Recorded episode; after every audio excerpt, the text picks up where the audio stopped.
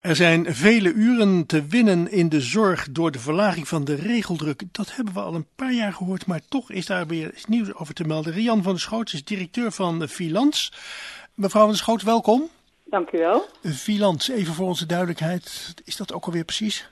Wij zijn een, uh, een instituut wat zorgt voor kennis voor de uh, mensen die in de zorg werken en uh, mensen die in de ondersteuning van, van mensen met een langdurige zorg graag werken. Ja, dus een soort overkoepelende organisatie, hè? Ja, we werken ja. landelijk. Dat komt ja, ja voor alle zorgorganisaties in Nederland. Ja, dan noem ik net die zin van zoveel zorguren te winnen door de verlaging van de regeldruk. Daar waren we toch al een aantal jaren mee bezig om dat te doen? Ja, dat klopt ook. ja, het is niet nieuw. Nee. Um, maar, maar goed, het is, het is nog niet, de, de klus is nog niet geklaard, zou je kunnen zeggen. Nee. Maar wie moet dan op de knop drukken om dat wel voor elkaar te krijgen? Ja, dat vraagt, uh, dat vraagt van veel mensen een actie. En uh, ik denk dat we, want het is een beetje flauw te zeggen, we zijn er al heel lang mee bezig. We komen wel steeds dichter bij het punt dat we weten wat gaat er nou echt in helpen. Um, maar niet zo uh, lastig als uh, bij, bij een hoop mensen dingen in, in beweging te krijgen, hè, verandering echt te realiseren. Dus het vraagt ook tijd. Dat, ja. dat is wat we ook zien.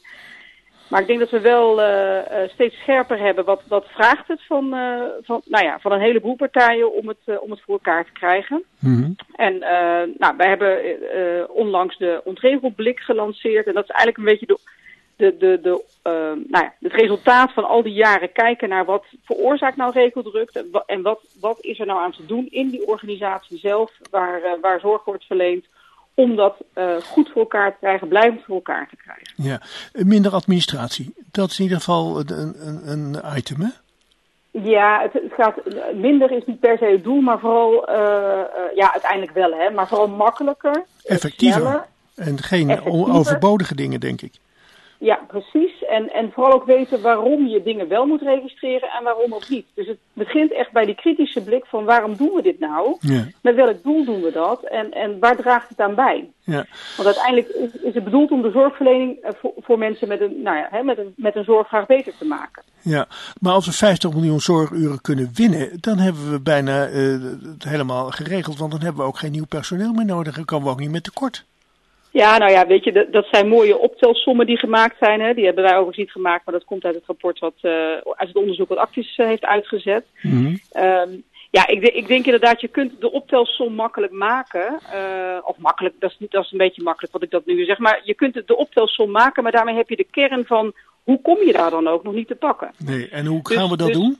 Nou ja, we hebben uh, eigenlijk een, een, we bieden een aantal handvatten waar organisaties zelf mee aan de slag kunnen. Kijk, ze, terecht zegt het rapport ook, het is niet alleen maar aan zorgorganisaties, dat zeggen wij ook, om het, om het zelf te gaan doen. Er zit ook iets in wet en regelgeving, er zit ook iets bij een inspectie of een zorgkantoor. Hè. Er zijn meer uh, actoren, zal ik maar even zeggen, meer partijen die daar een rol in kunnen spelen. Maar je kunt ook echt in je eigen zorgorganisatie zelf beginnen. Ja. En uh, dat begint ook echt met zoiets als... Um, nou, waar ervaren wij nou met, met elkaar dat het lastig is? Of dat we eigenlijk denken, waarom schrijf ik dit nou op? Of waarom staat dit in een zorgdossier van, een, van de cliënt die ik uh, van, van zorg voorzie? Waarom doe ik dit nou eigenlijk? Dus gewoon kritisch kijken, daar begint het echt mee. Ja. En ook echt kritisch kijken vanuit wat, wat, uh, wat professionals zelf aan het doen zijn. Dus echt luisteren naar wat helpt hen nou in hun werk. Want de ervaren regeldruk, wij zeggen altijd, je hebt echte regeldruk en ervaren regeldruk die ervaren regeldruk is misschien wel veel lastiger voor mensen. Want als je het gevoel hebt dat je het allemaal voor niks doet, dan, dan daalt ja. je motivatie enorm. Terwijl als je weet waarom je het doet en dat je er zelfs nog echt meerwaarde van ervaart dat je het doet, ja, dan is het een heel ander verhaal. Ja, maar de gemiddelde werknemer in de zorg kan niet zeggen, ik ga de regels anders doen. Dat, dat zal hogerop moeten gebeuren. Zou er niet een soort taskforce moeten komen om die regeldruk te verlagen? Nou, wij zeggen toch, begin ook echt in je eigen organisatie. En luister naar wat, uh, nou ja, inderdaad, de briljante ideeën binnen je eigen organisatie doen er echt toe. Mm-hmm. Want je kunt wel wachten tot de wetgever iets gaat doen, maar ja, we weten allemaal dat dat best lang kan duren. Terwijl ja. als je bij je eigen organisatie begint met, hé, hey, waarom doen we dit nou eigenlijk? En waarom schaffen we het niet af? Dat, dat, dat, is, dat is echt het begin waar je, waar je zelf kan beginnen. Want we zien ook dat er op heel veel plekken uh, ook vanuit het verleden van, oh ja, we moesten altijd dit vinkje aanzetten of we moesten hier altijd iets mee. Dat hoeft lang niet altijd meer. Dus even kritisch stilstaan en elkaar ook gewoon de ruimte geven om te zeggen, joh, waarom doen we dit nou eigenlijk? Daar, daar kun je echt wel een hoop mee winnen. Ja, en van onderop gaan werken, want die mensen die in de praktijk staan, die hebben de meeste ervaring daarmee.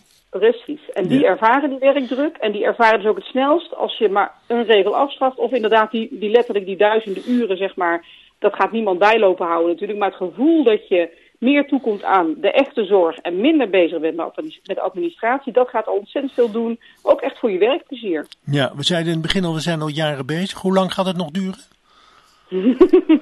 nou, als ik een glazen bol had, dan uh, zou ik het zeggen. Maar ik denk wel... Het twee jaar, tien jaar? Uh...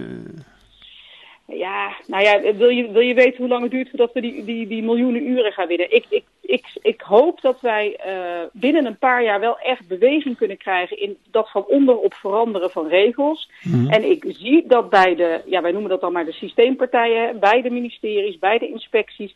We zien echt wel dat daar de beweging komt van, hé, hey, wij, wij moeten ook vanuit op een andere manier bijvoorbeeld naar wetgeving gaan kijken.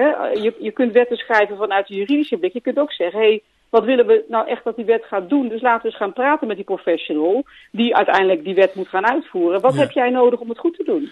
Dat is heel belangrijk, dat de, de werknemer die ermee bezig is en ermee geconfronteerd wordt, uh, gehoord wordt. Ja, ja. ja en, die, en die dus letterlijk ook mee aan de tafel van de wetgever zetten. Dan, heb je het meest direct te horen van, hey, werkt dit nou voor mij of niet? of als je het zo gaat doen, dan werkt het niet. En als je het zo gaat doen, dan werkt het voor mij wel. Ik zie de eerste beste werknemer nog niet bij de minister aan tafel zitten, moet ik zeggen. Maar... Ja, je, je moet misschien een stap te ver. Nou, misschien is dat te ver, maar uiteindelijk schrijft de minister de wet niet, maar dat doen anderen. Maar ik denk echt wel dat, dat, we, dat er ruimte begint te ontstaan, ook om dat wetgevingsproces anders te gaan doen. Maar het zit ook bij de inspectie, het zit ook bij de zorgkantoren. Het echte zien wat het werk doet, hè, dat maakt dat je ook soms regels, ook als regelgever, anders gaat maken. Ja, u geeft in ieder geval uitzicht op verbetering. Dat is al heel wat. Ja, nou ja, wij, wij, wij, durven wel te zeggen dat we inmiddels met al die jaren ermee bezig zijn. Echt wel weten wat zijn nou de, de, de grootste hobbels op de weg, de beren mhm. op de weg. En, en vanuit die beren op de weg denken we dat er best wel wat handvatten al uh, beschikbaar zijn voor zorgorganisaties om echt gewoon zelf aan de gang te gaan. Dan hoef je ook op niemand te wachten. Hè? Dat is mhm. ook fijn. Dat je kunt het gevoel hebt van ik kan zelf wat gaan doen. Um, dus, de, dus de beweging kan echt al van onderop gaan beginnen. Ja, en mensen die daar wat ondersteuning bij willen hebben, hebben jullie iets op de sociale media, op de website staan daarover? Ja, als je het ontregelblik uh, gaat zoeken, dan, mm uh, dan vind je hem. Op zorgvoorbeter.nl, op uh, kennispleingehandicaptenzorg.nl staat het. Dus op heel veel plekken kun je, kun je de ontregelblik gaan vinden. En dat is echt, nou ja, daar staan allerlei linkjes, ook met manieren van werken die je gewoon met elkaar op kunt gaan pakken. Om, om, om de beren op te gaan zoeken en te kijken wat je ermee kan. En ze weg te schieten. Ja, nou, ik, wou, het vriendelijk houden, maar dat kan dan inderdaad. Dat zou kunnen, ja. Maar we mogen geen beren schieten, maar goed, het, uh, figuurlijk bedoeld dan. Hè? Ja. Die, zo bedoelen we ze, ja. Ontregelblik, dat is één punt om daar te beginnen. Dat hebt u in ieder geval duidelijk gemaakt. Rian van der Schoot, directeur van Vian, Filans, 50 miljoen zorguren te winnen door verlagende regeldruk en onderop beginnen. Dat is in ieder geval de boodschap die u heeft afgegeven. Ik dank u voor het gesprek en wens u heel veel succes met het vervolg en met de regeldruk echt te verlagen.